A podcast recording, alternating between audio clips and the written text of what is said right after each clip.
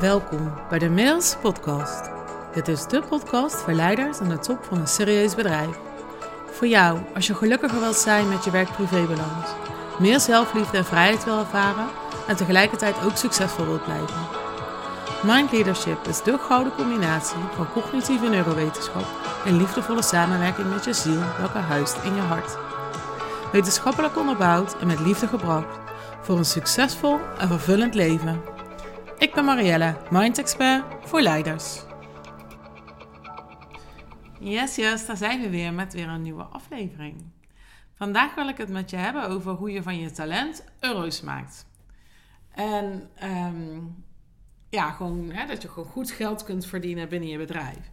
En daarom is de eerste vraag, is hoe beschouw jij jezelf?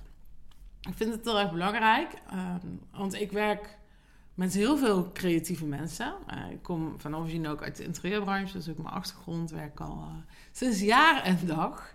En ja, nagenoeg al mijn klanten komen uit diezelfde sector.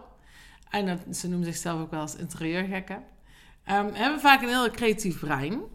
En zijn heel erg goed, hebben een bepaald talent. Um, en hebben dat ontwikkeld, gemasterd tot een business. Ook heb ik een aantal klanten die ook echt ondernemer zijn in dat bedrijf. Dus die hebben misschien niet een artistiek talent, maar een ondernemerstalent. Um, of specifiek voorbeeld wat ik in mijn hoofd heb, is vaak dat vaak directeur-eigenaren van bedrijven gedreven zijn. Die zijn goed in klanten, in verbinden, in um, ja, een, een, bepaalde sfeer neerzetten, veiligheid creëren. En dat is een andere vorm van talent. Dus dat is niet specifiek een, uh, een artistiek talent, maar wel een heel belangrijk talent binnen jouw bedrijf. Want ja, zonder dat talent zou je bedrijf waarschijnlijk niet bestaan. Dat geldt ook voor je artistieke talent. Zonder dat talent zou je bedrijf waarschijnlijk niet bestaan. Maar welk perspectief heb jij op jezelf? Zie jij jezelf als heel talentvol en wil je daarmee je geld verdienen? Of zie jij jezelf echt als, als de ondernemer en maak je je talent ondergeschikt? Want beide zijn even belangrijk en beide zijn even waar omdat ik net al zei, is dat je bedrijf niet bestaat zonder dat talent. Wat dat talent ook van jou is. En zie jezelf ook echt als die ondernemer, die directeur-eigenaar van dat bedrijf, die creative leader van jouw industrie. Um, en zie jezelf um, als die talentvolle um, artistiekeling. Of zie jij jezelf als die talentvolle ondernemer. Dus het is wel belangrijk dat je, hoe dat je naar jezelf kijkt. En ik haal even een voorbeeld eruit van een, uh, van een fotograaf. Een fotograaf, fotografe. Dan heb je een artistiek talent. Als je ehm, tenminste een beetje goede fotograaf bent met wat doorlopende klanten. Dan heb je echt een talent. Ja? Jij maakt echt kunstwerken. Prachtige foto's um, die tot de verbeelding spreken. Die emotie oproepen. Die een verhaal vertellen. Um, ja, kunst wat veel meer is dan wat wat je ziet, maar veel belangrijker nog is wat, wat anderen daarin zien. En wat anderen daarbij voelen en anderen daarbij horen. En ja, dan, dan ben je waarschijnlijk geneigd om van jezelf te denken van... Nou, ik ben gewoon echt een steengoede fotograaf, maar niet zo'n beste ondernemer. Of ik ben niet de um, leader. Of nou, welk verhaal je daarvoor ook bij jezelf vertelt. Dus de eerste vraag die ik aan je heb daar is dus, als je van je talentje euro's wil maken, hoe zie jij jezelf? Kun jij jezelf echt als en zien? En als mega talentvol. En als die CEO van jouw bedrijf. Oké, ik heb nog een vraag aan je. Waar ben jij goed in? Dus, naast dat talent wat je hebt, ehm, waar ben je dan goed in? Dus waar ben jij zo uitmuntend in. wat is dat, dat talent? Waar ben je zo fantastisch in? En wat is vervolgens de rol binnen jouw bedrijf? Match dat met elkaar. Is dat waar jij briljant goed in bent? Ook datgene wat je doet binnen je bedrijf? En wat doe je dan niet? En zo ja, hè, wie doet het dan voor je? Dus hoe positioneer jij jezelf binnen je bedrijf? En dan heb ik het vaak over de wat grotere interieurbedrijven, ehm, waarvan de tekenaar, dus de designer, eigenlijk de gedreven kracht is. jij bent de reden van het bestaan van het bedrijf. En hoeveel kom jij toe aan daadwerkelijk dat waar jij heel erg goed in bent? Ik heb een, uh, een bedrijf uh, met drie directeur-eigenaren als klant. Twee daarvan zijn dus echt de designers. En één daarvan is de financiële directeur.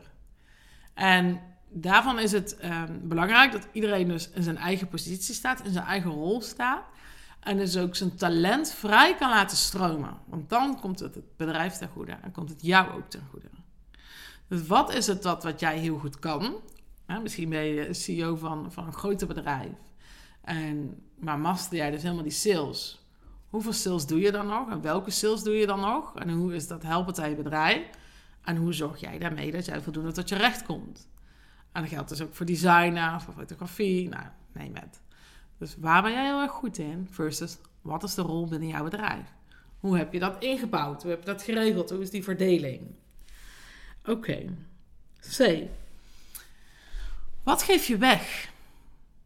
En daarmee bedoel ik dat vaak creatieve mensen, ehm, en ook heel sociale mensen, moet ik zeggen, en dat zijn toch ook wel weer de verkopers die vanuit verbinding komen, geven best wel veel weg. En het is helemaal niet erg om waarde weg te geven, om tijd weg te geven, om aandacht weg te geven, mits dat natuurlijk ook in verhouding en balans is. En zeker als je nog niet zo super lang onderneemt, dan is het belangrijk om heel veel waarde weg te geven. Maar als je al wat langer meedraait, dan mag je echt wel kijken. Ehm, even terug naar die, die interieurdesigner. Een klant komt bij jou en je hebt kennis maken, eerste gesprek. Wat geef je dan al weg in zo'n eerste schets? Welke ideeën geef je weg? Wat, wat, hè, wat, wat geef je eigenlijk al cadeau, gratis cadeau, aan, aan jouw klant? Of aan ja, een, een, potentiële klant. Misschien is het alleen nog maar een lead op dat moment, een prospect. En ja, vaak zijn we zo enthousiast en zijn we geneigd om gewoon, ja, ik, ik zelf ook hoor, ik ben ook heel enthousiast, om maar heel veel te geven. En dat heeft twee nadelen. En nadeel is dat je er en gewoon dan geen geld voor kunt vragen, terwijl dat misschien voor een gedeelte al wel had gekund. En het tweede is ook dat je je klant niet helpt, of je prospect. Want die kan zo overweldigd raken. Of denken dat hij het dan nu al heeft. Van, oh ja, mooie schetsen. Die neem ik mee en ik ga ermee aan de gang. Ja, vervolgens is ze daar niet mee geholpen. Want het gaat ook nog om de uitvoer. Over de combinatie. Ja, dus de, het, het spanningsveld tussen alleen maar ja, de theorie aanreiken. Of je klant er ook echt in begeleiden. Dus het is best wel belangrijk dat, dat je goed kijkt van... Geef ik, geef ik wat weg? En is dat helpend voor mij en voor mijn klant... Ja, of doe ik mezelf daarmee tekort en, en de klant dus. Omdat hij dus uiteindelijk niet geholpen is met alleen maar die informatie. Nou, overweldigt het en wel datgene denkt. En je daardoor beide tekort doet. Dus wat geef jij weg? En ik, daarvoor geef ik ook echt het voorbeeld. Ik zie dit ook nog steeds terugkomen bij bedrijven die al miljoenen doen. Maar dus tijd tekort komen en veel efficiënter zouden kunnen werken doordat ze het proces beter stroomlijnen. Ik heb dat in het begin ook zelf zeker gedaan. Door ja, ehm, in gesprekken met klanten, VIP-dagen met klanten, ze met complete bedrijfsplannen naar huis te sturen. Omdat ik denk, zo, die puzzel is lekker gelegd. Nou, dan heb ik ze toch een partij goed geholpen. En voor hen is het zoveel dat ze niet kunnen implementeren. En daarna zijn ze dus zo verwend dat ze denken van... Ja, maar ik, hier moet ik echt even nadenken. Of, oh, dit is zoveel. Hier kan ik voorlopig wel uh, komend half jaar mee vooruit. En vervolgens gaan ze het nog alleen doen. Zijn ze nog niet echt geholpen. Ehm, en ben ik het contact op dat moment kwijt. Dus ik help mij niet, help mijn bedrijf niet, help mijn klant niet. Oké, D. Wat laat je liggen? Ja, dus net wat, wat geef je weg. Dat is, wat laat je liggen? Omdat wanneer je dus veel weggeeft... of niet de juiste positie binnen je bedrijf inneemt... Hè, of misschien een verkeerd perspectief op jezelf hebt. Dus A, B en C, wat we besproken hebben. Ehm, laat je ook geld liggen. Ik heb daar ook een aparte uh, podcastserie over opgenomen. Ehm, ja, waar dat je geld laat liggen. Dat je dat aan alles voelt. Dus die vraag heb ik nu even kort in deze reeks aan jou. Waar laat jij het liggen? Waar weet jij dat op het moment dat je er meer liefde aan zou geven of meer tijd aan zou spenderen, of in de juiste rol stapt, dat je daar nog het geld kan oprapen. Waar weet jij in jouw business dat je het nu nog laat liggen? En welk besluit wil je daarover nemen? En de key vraag, de key question naar dit hele verhaal is, is het volgende. Je kennen allemaal de 80-20 regel. 80% van je klanten dragen voor 20% bij aan de omzet. Uh, als je super high-end bent, is dat misschien nog wat anders. Um, ehm, 80% van jouw tijd draagt voor 20% bij aan het resultaat. En ik denk dat je je daar misschien wel herkent, of je nou wat kleiner of al een serieus bedrijf bent. Er gaat heel veel tijd en randzaken zitten.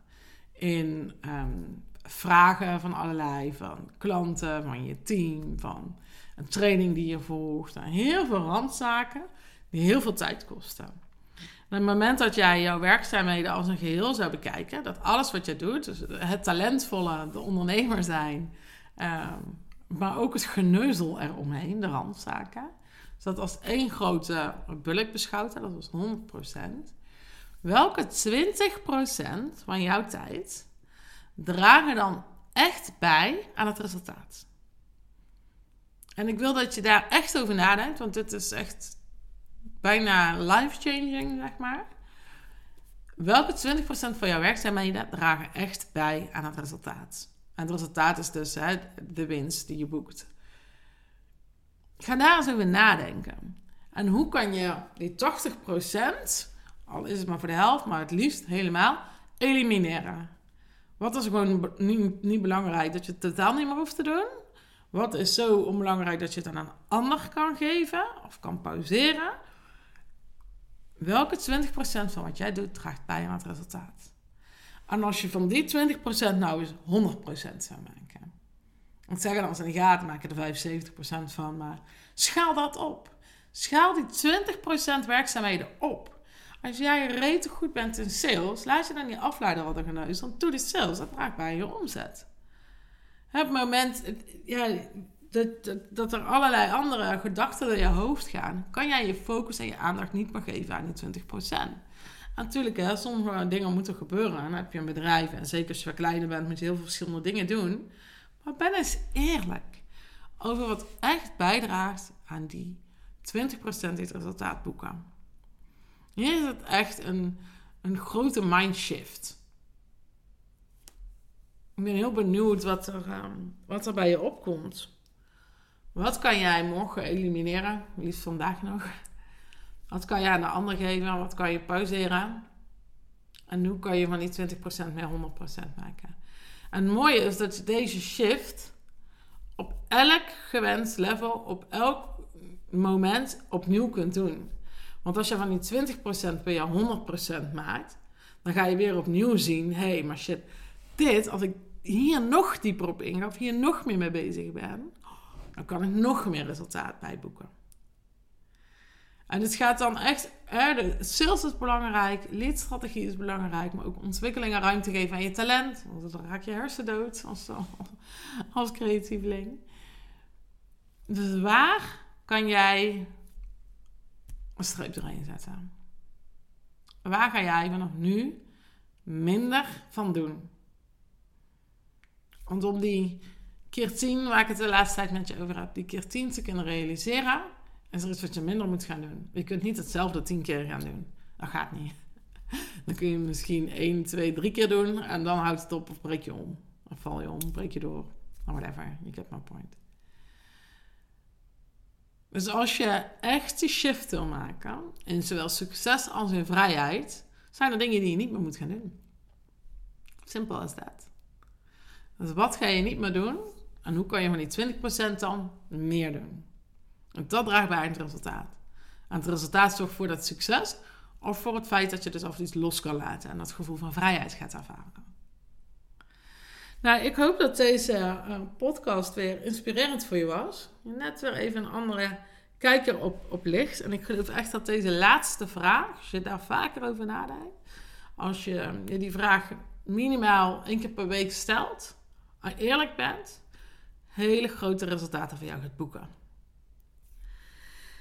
Ik um, vind het namelijk zelfs zo fascinerende materie dat ik hier een nieuwe masterclass over ga geven. Um, we horen heel vaak hè, de vraag: uh, wie moet ik zijn en wat moet ik doen voor dat resultaat? En dat wat moet ik doen gaat voor een heel groot gedeelte dus over dit, over die 80-20.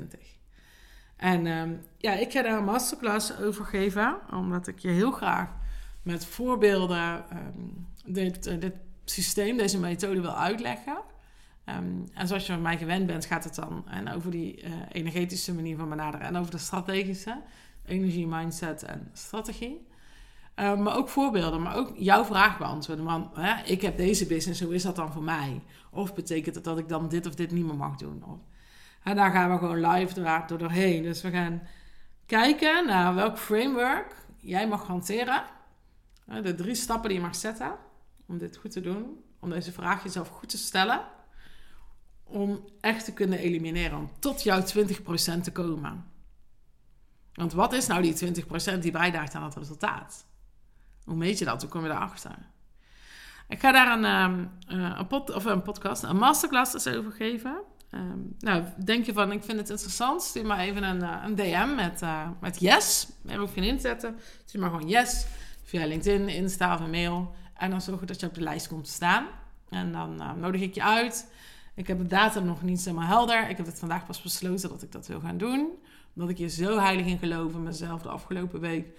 Met zoveel klanten heb, heb horen doornemen. En ook gelijk zeg maar de reacties zie wat voor shift het betekent. Dat ik denk, ja, ik wil dit gewoon breder gaan delen. Ik wil dit ook met jou gaan delen. Dus laat me weten als het voor jou waardevol is. Stuur yes en dan, uh, dan uh, kom je op de lijst. Dan ga ik het met je delen. Voor nu wens ik je een hele fijne dag, nacht of avond. En tot de volgende.